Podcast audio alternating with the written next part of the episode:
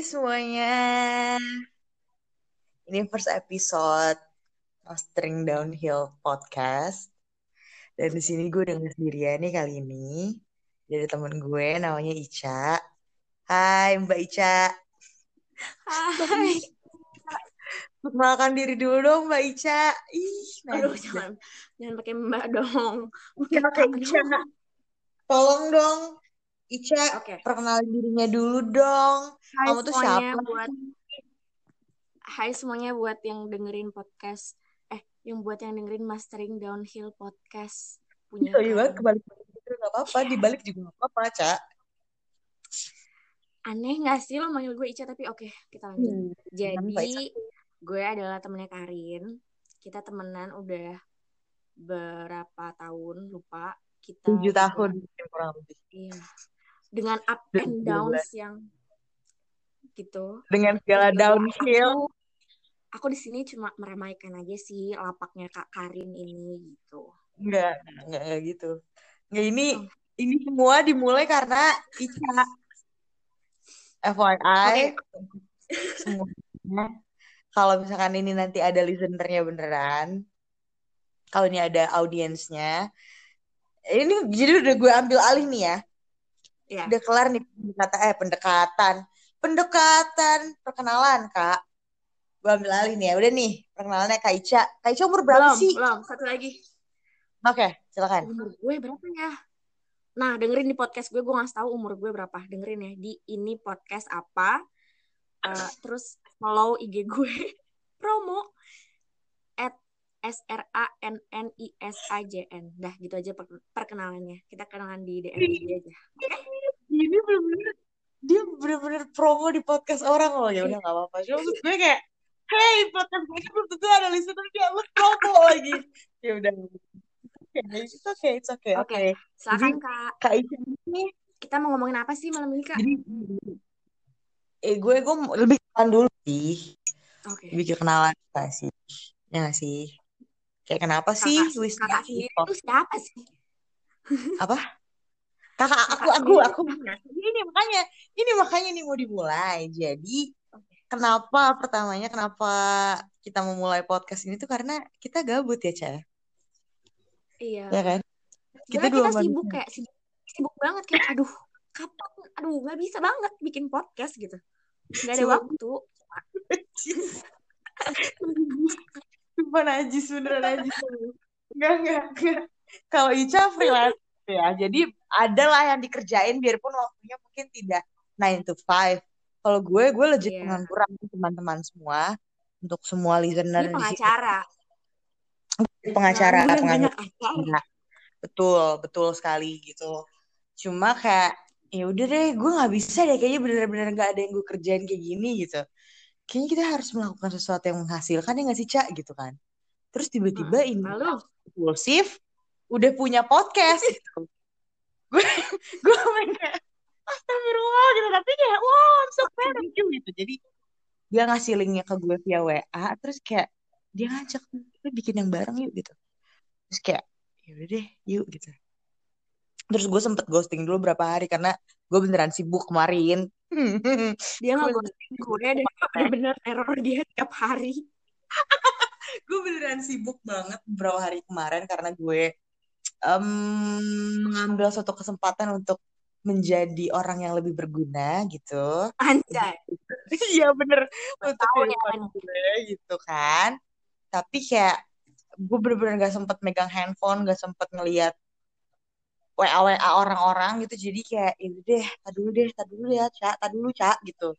Terus tiba-tiba gue mengambil stop dulu sorry banget nih gue motong tau gak sih Hmm. saking sibuknya Karin dia bisa-bisanya gue DM dia gue WA dia nggak ada yang dibales. Dibalesnya di mana? Di IG story. Second account lagi. second account. Mantap.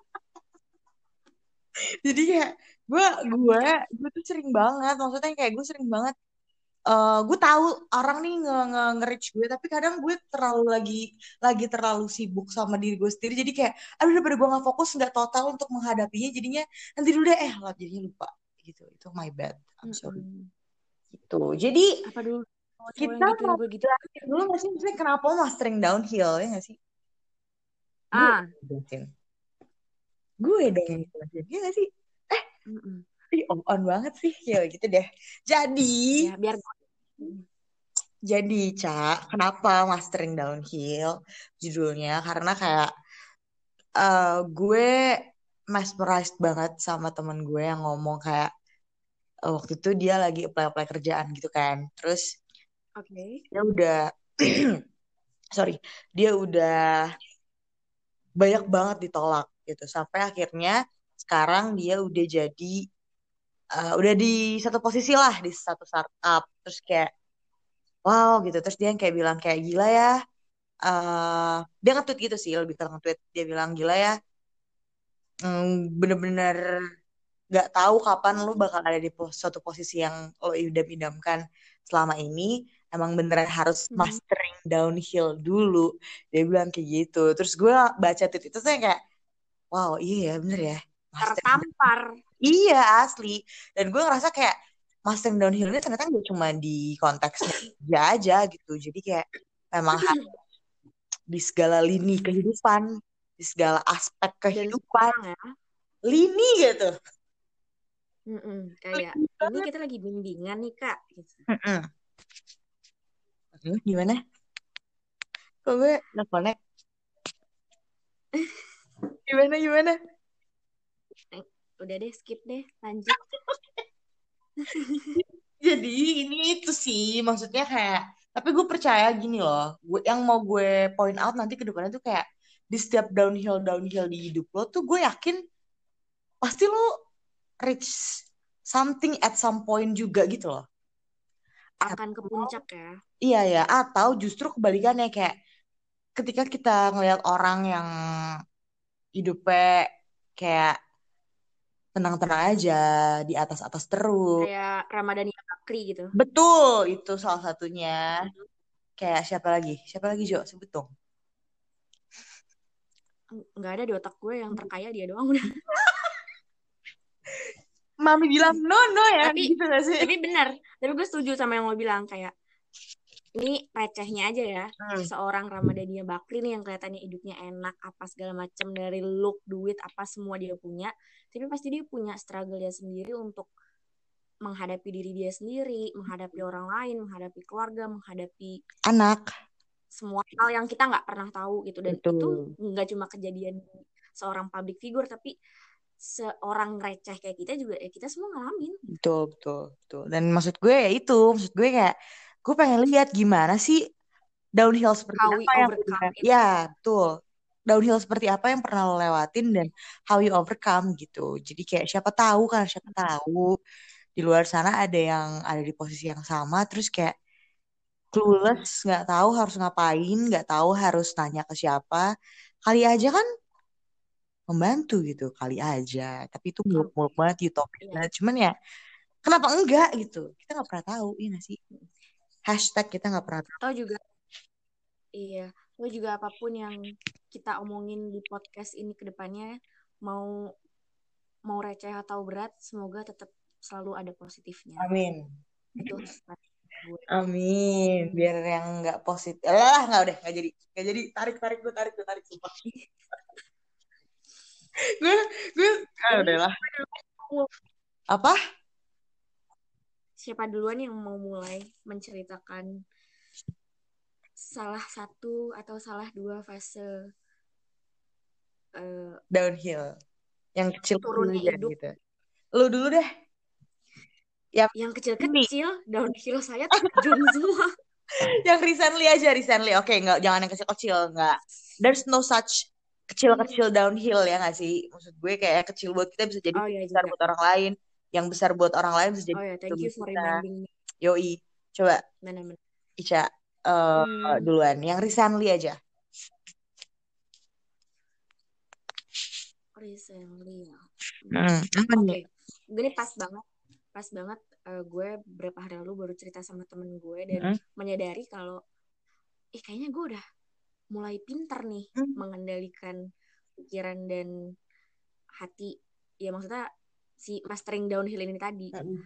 Eh, gimana gue nyadar gila ya kalau dulu dulu gue nggak ngalamin hal-hal seperti itu mungkin gue nggak akan nggak akan di titik sekarang yang mm, lebih mudah menerima keadaan gitu meskipun tetap gue ada sedih-sedih bodohnya Hmm. itu cuma Itu nggak terhindarkan kan ya, gue kayak thanks God I have this mentality Hmm. right now Mhm. gitu. Kalau gue masih ada di titik mental gue yang dulu-dulu, wih gue udah hancur banget kayaknya. Gitu. Jadi ya Jadi eh, apa nih? Apa yang gue alamin belakangan ini adalah tentang putus cinta. jauh-jauh ya, Bro. Itu Nggak jauh-jauh, dari yang balik tadi remeh gitu ya. bisa jadi buat kita Tapi ya receh udah. atau buat orang lain receh tapi buat kita itu Hmm. such a big deal gitu dan lo nggak bisa lo nggak boleh nggak invalid perasaan orang tentang perspektifnya akan masalahnya sendiri ya nggak sih Iya. Aduh, sayang banget sama Karin. Jadi gitu Thank you, bro. gimana gimana gimana jadi gimana nih konteksnya Oh ya, oh ya. terus cinta terus Mm-mm. Jadi, mm, wah ini kalau gue cerita orangnya denger gak ya? Semoga enggak. Oke. oke. Semangat, bisa. Kan ini poinnya untuk eh berbagi. Gitu. Siapa tahu ada pas. lebih ke how you overcome your downhill aja gitu bukan mau menceritakan subjeknya gitu kan lanjut. Jadi, yang gue alamin kemarin-kemarin tuh putus. Gue gue biasanya putus itu eh kayak antara eh gimana ya ngomongnya? Gue nervous deh. Intinya kali ini putusnya itu berbeda daripada sebelum-sebelumnya. Karena eh, gue dan mantan gue ini ada di posisi yang kayak mau nggak mau harus berkomunikasi gitu loh. Oke. Gitu. Dan kita juga pisah karena di karena mau nggak mau juga. Jadi intinya eh, yang gue overcome adalah awal-awalnya pasti putus mau apa pun alasannya gue sedih-sedih dulu. Mhm. gue sedih-sedih dulu. Tapi fase sedih gue ini eh, mungkin nggak nggak separah dulu. Jadi gue bener-bener setelah udah be- be- beberapa waktu setelah putus gue jadi punya mentality yang gue bilang tadi kayak gila gue bersyukur banget gue ada di posisi pemikiran yang seperti ini sekarang. Itu adalah tiap gue sedih Hmm. nih. Tiap gue sedih eh, jam-jam mau tidur gitu atau kayak jam-jam dia biasanya pulang kerja nyamperin gue gitu kan kayak kosong nih ada dia nih. Gue gue langsung mikir kayak nggak boleh nggak boleh sedih nggak boleh gue harus ngelakuin sesuatu. Ngedistract pikiran gue. Terus eh, atau misalnya gue lagi kerja kan gue freelance kan. Terus sih lo misalnya lagi kerja atau lagi ngapain tiba-tiba eh, kelewat aja memori atau apa. Paham lah paham. Sekarang udah bisa gue udah bisa eh, pelan-pelan sedikit-sedikit untuk yuk yuk tahan yuk bisa yuk tahan. Eh, jangan mikirin kayak gitu-gitu dulu selesain dulu kerjaan lo abis ini lo mau sedih-sedih boleh tapi yuk bisa yuk lo jangan ke distract dulu gitu terus eh, jadi nyari kegiatan Mhm. apa pun itu tuh eh, jadi copingnya itu ya nggak yang kalau kalau pas gue belum kayak Hmm. sekarang nih gue pasti bakalan dengerin playlist sedih-sedih gitu terus kayak duh basi deh gitu ya. Tapi sekarang gue udah kayak ya udah pintar oh udah sekarang. pinter. Ngapain tuh kak kalau boleh tahu? Itu yang gue bilang eh, gue lebih berpikir iya gue boleh sedih gitu. Dan gue pernah apa ya learn it the hard way buat gimana cara lo eh, grieve your emotion cuma sekarang eh, durasinya nggak Hmm. kelamaan gitu. Ya lo boleh sedih tapi mm, nggak sampai selarut-larut dulu ya, yang lalu-lalu gitu. Dan lebih fokus ke diri sendiri sih gitu. Kayak ke masa depan dan apa yang gue lakukan sekarang. Lo jadi lo jadi lebih itu yang lebih banyak ngelakuin hal-hal yang fokus ke diri lo sendiri gitu kan sih? Fokus ke diri gue sendiri dan jadi apa ya eh kayak pakai kacamata Hmm, kuda gitu loh. Oh gue nggak boleh. Gue nggak boleh lihat kanan kiri. Gue gue nih punya goals ini ini ini ini. Gue harusnya mikirin itu. Boleh gue boleh sedih tapi nanti ya. Nanti kalau ini udah gue selesai nih misalnya hari ini gue ada to do list Hmm. ada lima nih. Ya gue selesaiin dulu itu semua. Baru nanti pas eh, udah pulang udah apa untuk sedih. waktu beberapa menit atau beberapa menit buat ya udah gue uh, Oke. grieve my emotion itu tadi Ya, ya, ya. merasakan oh ya gini gini gini kayak itu eh, gitu sih kak. yang tadi lu eh, karena lu nyebut-nyebut grief ya gue jadi trigger kan. Jadi tuh gue, skripsi gue nis. Eh nis. Oke. Gue, gue jadi gini ya teman-teman semuanya. Ica itu jadi gue dari dulu tuh manggil dia Nisa cuman sekarang dia memperkenalkan diri dia sebagai Ica. Jadi kayak ini klaim dulu kalau misalkan tiba-tiba gue manggil Nis nih orang ngomong sama siapa sih gitu? Ya, gue ngomong sama dia tetap cuma cuma masih lupa gitu belum terbiasa aja gitu. Jadi Ca skripsi gue itu tentang kan eh, anak perempuan yang mengurus atau memberikan Mhm. perawatan ke orang tuanya yang sakit terminal. Sakit terminal tuh kayak penyakit-penyakit yang memang sudah di divonis nggak bisa sembuh lagi gitu. Paham lah ya. Penyakit-penyakitnya apa aja gitu. Kayak jantung, kanker, and so on, and so on. Nah, otomatis oh oke gue pakai teori yang mana membahas tentang grieving. Karena kan ketika manusia tuh ngomong, maksudnya ketika manusia dikasih satu kondisi gitu, dikasih tahu kalau misalkan orang yang disayang itu uh, ada di satu kondisi yang tidak bisa disembuhkan lagi, itu tuh otomatis pikiran tuh pasti udah kayak negatif-negatif kan.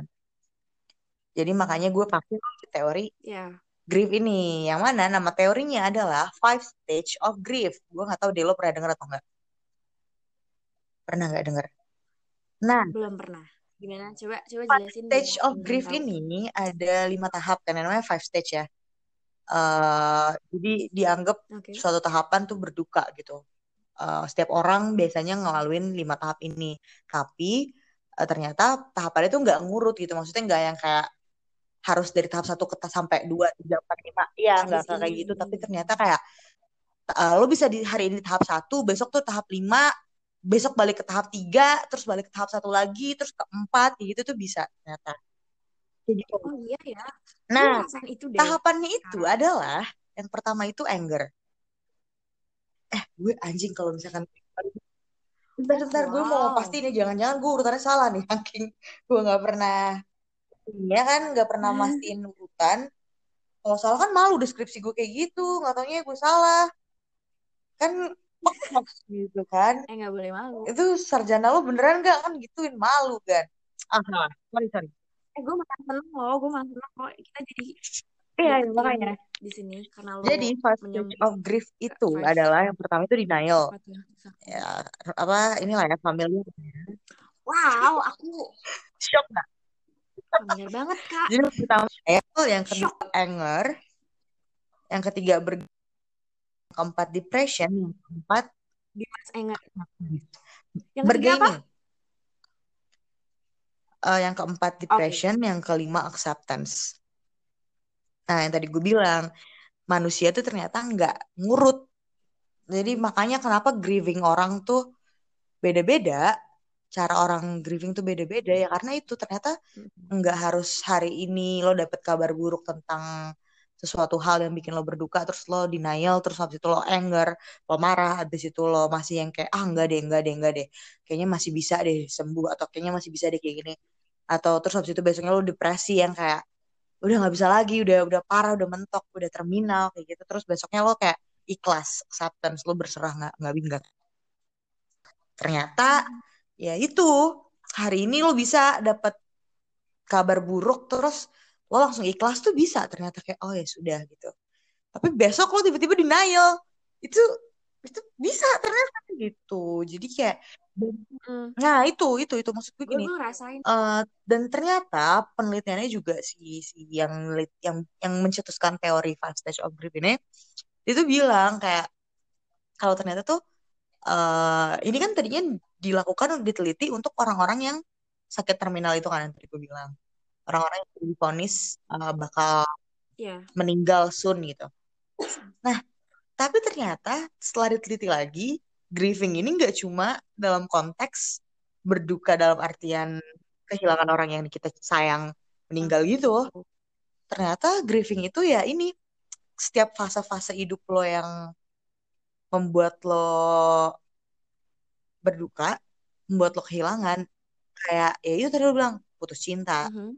Kehilangan pekerjaan, atau berantem sama temen, atau lo lo kayak misalkan ditipu orang terus lo rugi puluhan juta itu ternyata juga masuk fase berduka masuk kategori berduka dan lo bisa aja ngelewatin si five stage of grief ini gitu dan balik lagi bakal beda-beda juga fasenya urutannya ataupun cara lo grievingnya gitu dan dan gue makin yang kayak eh, setelah gue ngerti teori ini setiap gue ngerasa kalau gue lagi grieving dalam segala hal gitu ya gue yang kayak jadi oke mungkin Mhm. gue sekarang lagi di tahap ini eh gue terima aja perasaan gue gue terima aja apa yang gue rasain tapi apa nih yang harus gue lakuin supaya gue cepet oh, bukan cepet sih supaya gue nggak berlarut-larut dalam grieving gue tadi. Kayak lo kayak lo juga kayak yang lo bilang itu eh, biar gue nggak berlarut-larut dan gimana cara gue overcome itu sih itu itu gue rasa lo lo lo udah jauh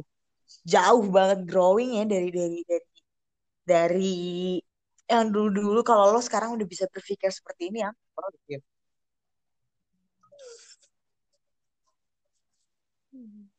Ya dikit-dikit pelan-pelan terus gue justru karena tahu info Hmm. five stages of grief dari lo gue jadi makin menerima perasaan-perasaan Iya. yang eh, gue alamin sih. Soalnya kemarin-kemarin bahkan sampai hari ini gue masih ngerasa ih kok gue labil banget ya?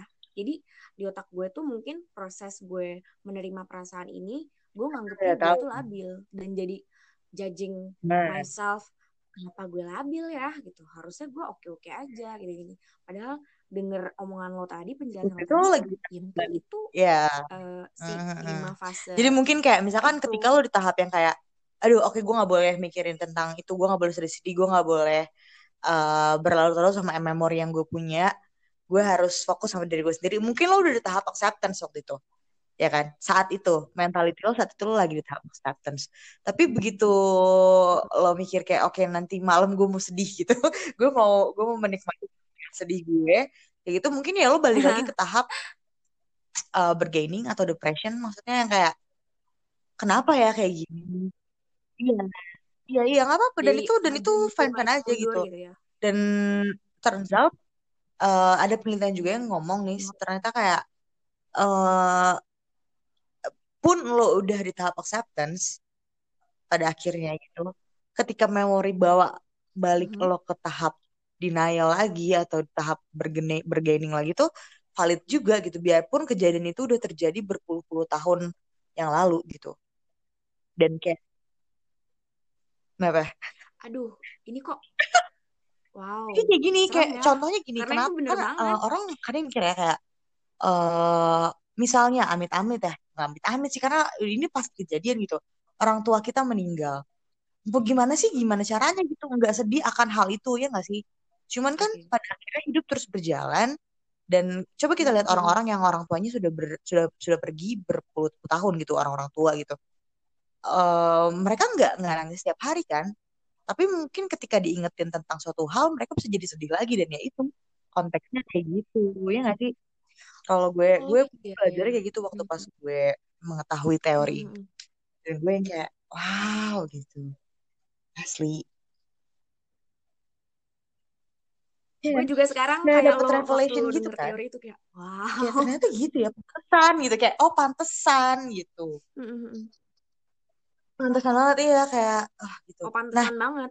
eh biasanya orang-orang yang yang tahu tentang teori ini tuh kayak ini nih kayak memang orang-orang yang pernah berduka sebegitunya dan biasanya memang konteksnya meninggal ya maksudnya orang yang disayang meninggal kayak iya dia Iya betul. Jadi Aku kayak juga mereka mencari tahu tentang lagi. teori ini terus kayak how to deal with their grief gitu. Jadinya kayak yaudah deh gitu dia tahu dan dia jadi ngerti kalau misalkan oh ya sudah berarti memang grieving tuh nggak harus cepet, nggak harus uh, selesai saat itu juga. Bahkan gue pernah dengar omongan kayak gini nih. Ada ngomong kayak gini. Uh, misalkan temen lo orang tuanya meninggal gitu. Kan kita bingung ya maksudnya ngomong gimana ya nggak sih how to how to menenangkan mereka tuh kadang kita bingung kan karena mungkin kita belum pernah juga dan nggak etis banget lah istilah kasarnya misalkan kalau ngomong kayak udah uh, jangan sedih ya nggak mungkin nggak sedih ya gak sih terus kayak iya. Nah, makanya nah gue kayak gue pernah dengar orang ngomong kayak gini uh, kalau misalkan ada yang lagi kayak gitu bilang aja kayak gini nggak apa-apa. Kalau lo mau sedih sedih aja. Lo punya seumur hidup lo untuk menyed untuk bersedih akan hal itu. Terus gue kayak, wow, ternyata dan ini menurut gue bisa diterapin dalam segala hal. Gak cuma konteksnya uh, ada orang yang meninggal aja. Jadi kayak misalkan lo putus nih, kayak gini lo putus. Terus lo masih sedih, tapi kadang lo udah mm. berasa fine-fine aja akan hal itu. Gue bisa bilang kalau kayak, ya udah, Cak, uh, gak apa-apa, lo mau sedih tuh gak apa-apa, tapi gak usah dihabisin hari ini justru lo seumur hidup lo buat yeah. bersedih akan keputusan lo ini gitu keputusan akan putusnya lo sama dia ini gitu gue malah mikirnya jadi kayak ya kenapa harus ngabisin pol gitu aja apa nonton semoga semoga tapi kan ini kan cuma contoh bro jadi kayak dalam segala hal cuma kan yang ini cuma contoh karena recently lo putus aja nggak sih? ya. Nah, hmm. sekarang mau nanya balik nih. Kalau lo sendiri nih, Ren, apa yang baru-baru ini lo kayak dek di pikiran lo? Oh, ini ya. Oh, ini yang namanya mastering downhill. Oh, ini downhill gue. Apa gue ya? buat lo? Yang recently banget ya. Uh, ini ini jel gak jelek sih maksudnya karena gue masih manusia ya jadi kayak ya menurut menurut gue ini manusiawi aja gitu gue kayak gini sih kan gue lulus nih gue lulus nih udah menyandang nama gue jadi Karina Esther Monica Espesininis ya kan menurut gue itu satu hal yang kita dibanggakan ya kan hmm. karena kayak wah gila gue akhirnya achieve satu hal yang uh, yang yang yang akhirnya, yang gitu akhirnya. tahun gue di Semarang fokus nggak fokus fokus banget sih maksud gue kayak ya tujuan Semarang cuma jangan ketawa tolong ya jangan langsung kebuka ke, ke gue oke okay. di Semarang di episode satu jadi kayak ini aja sih maksudnya uh, oke okay, empat tahun gue kuliah akhirnya gue kelar gitu. Akhirnya gue gue bisa nunjukin ke nyokap bokap gue kalau ini loh gue kelar gitu.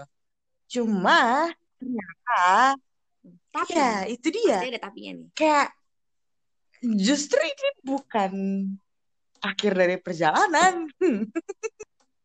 Justru kayak justru kayak inilah dimulai gitu kehidupannya sebenarnya.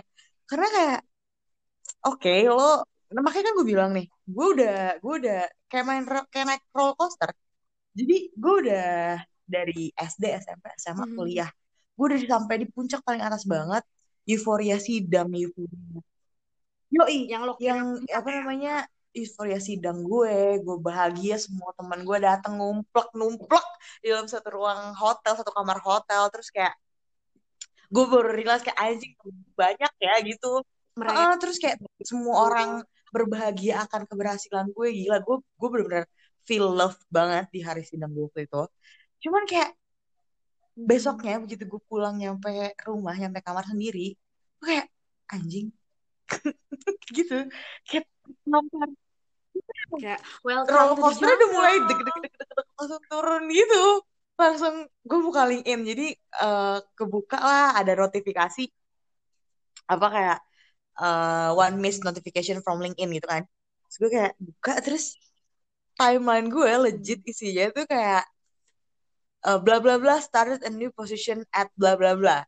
Congratulate her gitu. Kayak bla bla bla ah, mulai pressure ya mulai pressure. Gue yang kayak ah gitu. Masih masih Terus itu baru di Instagram iya masih yang kayak oh ya udah lah nanti aja baru sehari gue sidang.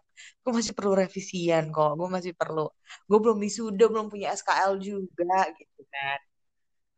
Uh, mungkin denial. jadi fase denial, denial yang justru itu. jadi gue gue bener-bener ya kayak ah, nanti aja dulu gue masih santai-santai kan gue masih bener-bener menikmati. Gila enak ya hidup tanpa skripsi ternyata kayak gitu. Besoknya bangun pagi opung gue langsung aja kayak jadi kamu mau kerja di mana? Tuhan Yesus Allah Bapa waduh. Baru kemarin gue sidang kan sebenarnya gue ngomong kayak gitu. tapi kayak ya udahlah. Dan gue Opung lo denger podcast Gak ini? sih, kayaknya gak punya akses untuk ke podcast kita ini. Gue gue oke. Gak Jojo ngasih tahu. gak ada yang boleh tahu keluarga gue. Tentang ini. Jadi gue gue gue nggak kepengen sih gue lebih ke uh, downhillnya sebenarnya bukan pas gue ngerasa pressure orang-orang udah pada kerja LinkedIn-nya udah pada kayak gini LinkedIn udah pada kayak gitu. Dan gue belum gue nggak kayak gitu. Gue lebih kayak gue tahu gue bener-bener menanamkan mindset semenjak skripsian ya. Gue menanam, gue menanamkan mindset kalau timeline orang itu beda-beda nih. Mm-hmm. jadi kayak ya udah kalau misalkan dia udah kerja berarti timeline dia sekarang kerja. Gue belum kerja dan gue sekarang ya gue belum kerja gitu. Yeah. ya sudah gitu sesimpel itu. Cuma uh, gue tuh ditampar sama omongannya temen gue namanya Adit. Dia ngomong kayak gini Hai Adit Hai Adit. Adit udah harus pasti denger podcast ini dan dia harus nge-share sih kalau Adit. Jadi gue bilang kayak gini kayak uh, Adit bilang kayak gini. Kar, lo inget gak 2015 lo ngekos karena lo uh, diusir sama opung lo. lo lo gue di gue diusir sama opung gue 2015 dan itu lagi proses-proses kelas 12 kan lagi lagi mau SBMPTN dan so on and so on yeah. gitu kan. Persiapan SBMPTN dan segalanya. Gue diusir dari opung dari rumah opung gue terus gue ngekos cuma beda gang sama rumah opung gue. Yang mana kayak kalau gue mau berkegiatan pun harusnya tuh gue lewatin rumah opung gue tapi karena gue diusir dan gue tahu opung gue dan gue lihat muka gue jadi yeah. gue harus muter jauh banget kayak gitu. Dan kayak itu 2015 dan 2020 gue kirim Luar bunga ini. papan bunga ke rumah gue pakai bahasa Batak terus kayak yeah. gue bangga oh. banget sampai foto di situ terus gue juga foto sama opung gue di papan bunga itu terus kayak dijadiin DPWA-nya doi dan dan gue kayak mark the first hmm. grandchild yang sarjana kan ya karena gue anak eh, pertama kan jadi gue yang kayak hmm. wow ya kita bilang ini berarti bukan recently ya. Uh, downhillnya 2015 itu downhill parah gitu kan. Gue bener-bener yang kayak 2015 itu oh, gue gitu. bisa yang bangun jam 3 pagi cuma buat berdoa nih FYI berdoa buat mohon yang kayak Tuhan gue tuh mau loh PTN tolong dong gitu tolong lah masukin gue PTN gue diusir sama opung gue. Apalagi yang bisa gue tunjukin ke gue kalau misalkan gue nggak masuk PTN juga. Gue pengen bilang kayak gitu kan dulu. Terus ternyata maksudnya ya, itu Tuhan tuh baik banget. Anjir kenapa jadi kesaksian nih kan kenapa jadi kesaksian? Intinya itu sih. Intinya kayak ya udah gue udah overcome uh, downhill gue 2015 itu dengan cara gue menunjukkan keseriusan gue untuk kuliah dan lulus yang nggak tepat-tepat waktu banget ya tapi pas aja gitu. Dan membuat akhirnya opung gue bisa tidaknya bangga lah sama gue.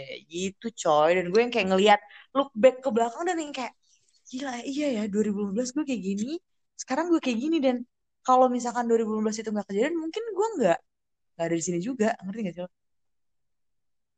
Kayak lo bilang tadi I thank God I have this mentality gitu kalau beneran 2015 gak kejadian gue mungkin gak akan punya Mhm. kesungguhan untuk SBMPTN untuk ujian mandiri untuk ngejar PTN dan kayak gue akan stay di orang yang diem-diem aja yang lurus-lurus aja gitu ya. Kayak udah gue mau kuliah.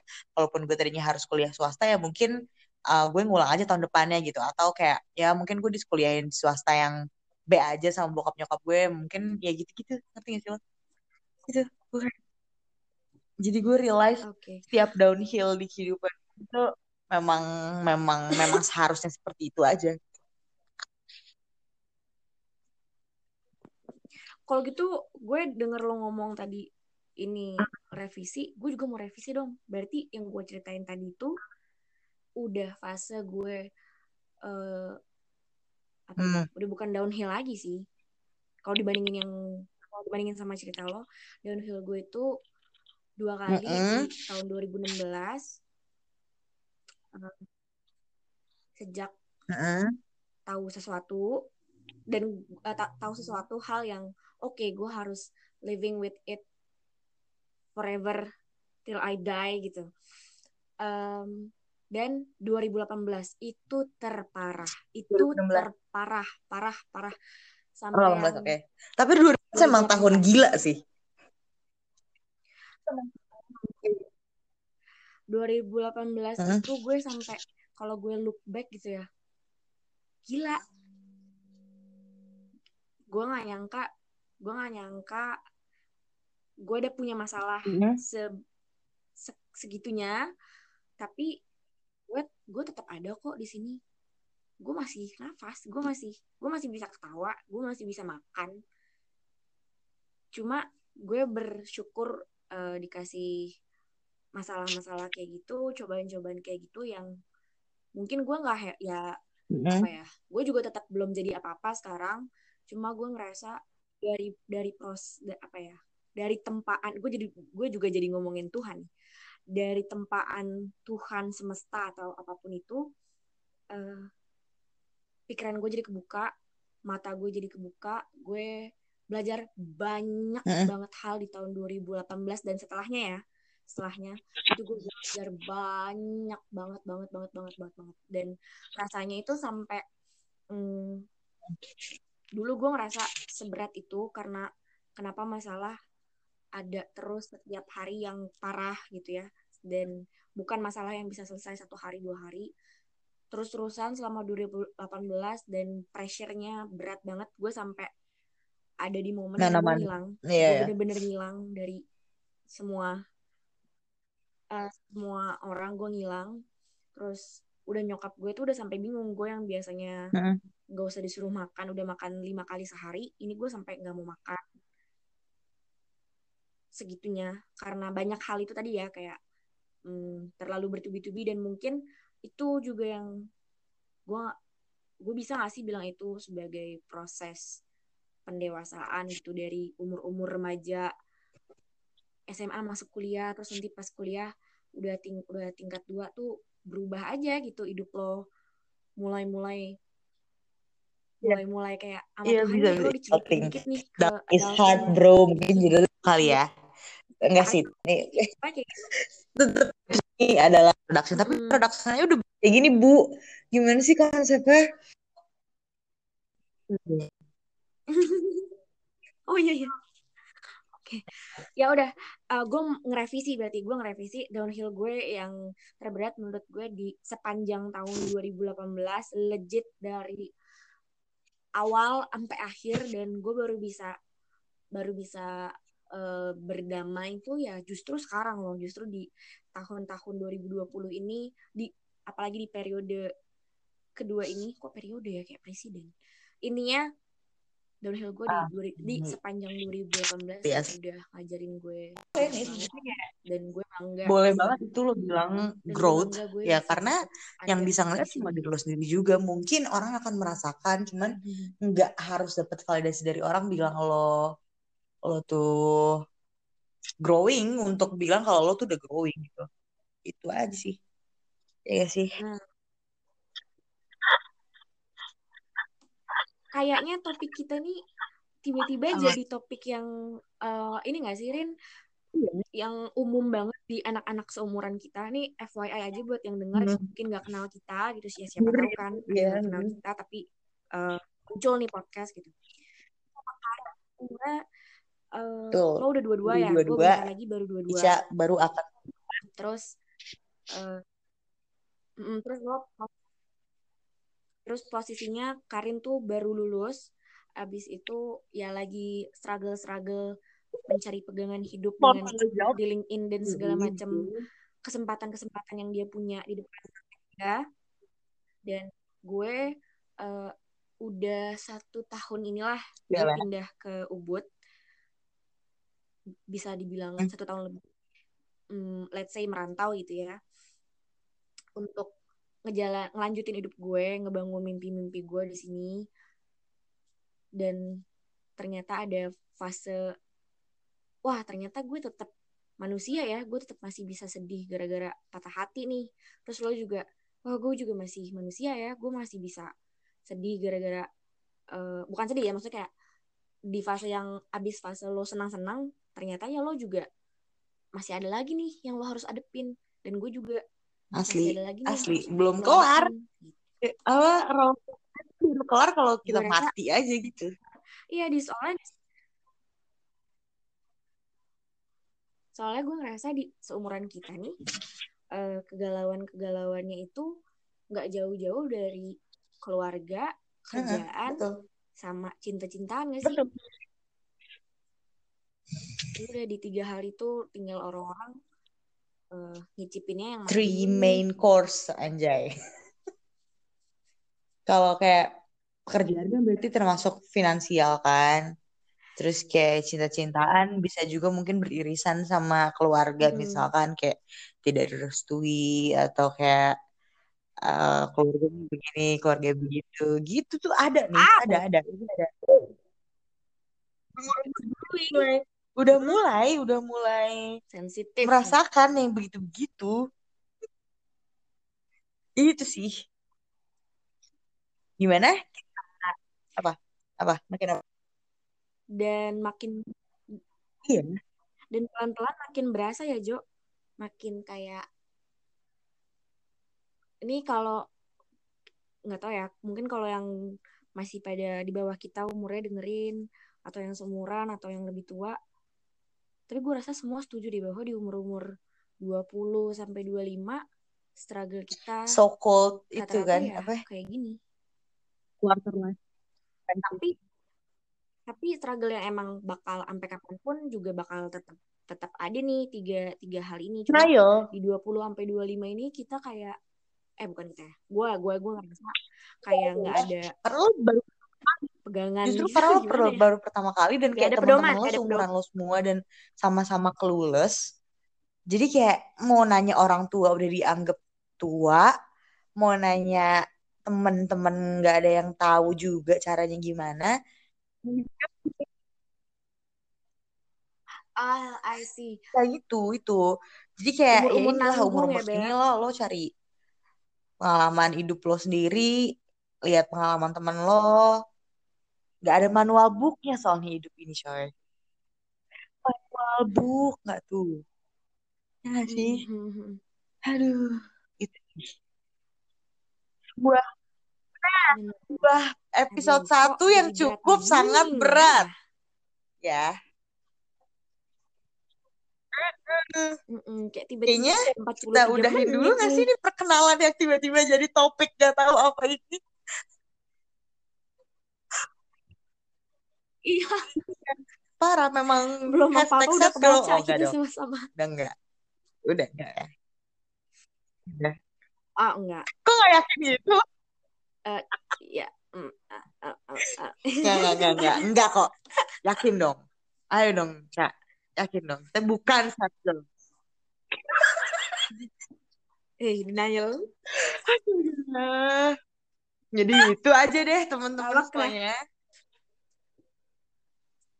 Jadi jadi dari sekian puluh menit, 44 menit ini sebenarnya yang kita omongin ini cuma pertanyaan awalnya adalah mungkin. kenapa ini podcast Intinya namanya itu. Mastering Downhill Podcast. Kalau misalkan nanti next time ada yang mau ikutan cerita atau cuma kirim ceritanya doang gitu, tuh boleh banget. Maksudnya kayak kali aja kan bisa jadi bahan pelajaran buat orang lain juga kan. Karena balik lagi tadi, kita hidup nih di roller coaster kehidupan ini, nggak ada manual booknya, Beb. Sekarang udah podcast.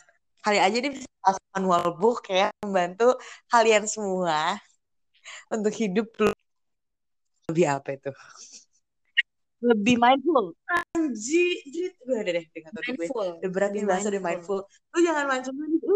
Next time boleh deh kita bahas mindful karena gue kemarin gue punya dosen yang memang kayak mindful abis Jo. Gue akan bahas tentang itu next time. Dan kayak gue punya kan nih ini Anya apa namanya tuh eh booknya lah intinya kayak manual booknya untuk untuk untuk membahas itu dan Mbak Ica juga kan bisa nih kan hidupnya di Ubud Jo ya kan mindful banget tuh Ubud ya sih kayak the Mm-mm. part of Bali yang sangat mindful jadi kita bisa lihat dari kehidupan Oke. langsungnya kalau misalkan yang beneran punya misalkan punya mimpi gitu kayak aduh gue pengen hidup mindful gue pengen pindah ke Ubud ntar kita tanya langsung ke si Ica ini pengalamannya hidup di sana tuh gimana dan gimana sih bisa nggak sih kita beneran hidup mindful Oke. anjir apa tuh kak Sama sama campur ini dong.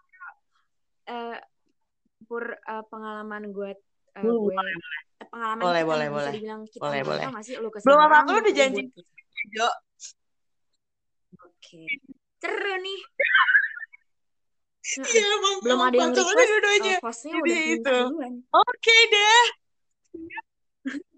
Sampai situ aja. Waktu itu keluar. Oke. Ini kalau nggak Iya, ada sampai situ aja dulu. stop udah Kita besok nih ngomong. berdua. Makasih semuanya kalau ada yang dengerin sampai akhir banget ini nih. Makasih. Gitu. Apa lu jangan janji-janji Anissa? Gue kasih lu voucher. Voucher apa ya? Udah mau Enggak, enggak itu Anissa bercanda. Mungkin nanti ya kalau ternyata emang ini ada listenernya dan kita, uh, kita nggak tahu kan. Eh, kita nggak pernah tahu. Itu aja. Ini nggak kelar-kelar nih jadinya. Udah ya, teman-teman. See you on the next episode. Thank you semuanya. Bye. Thank you.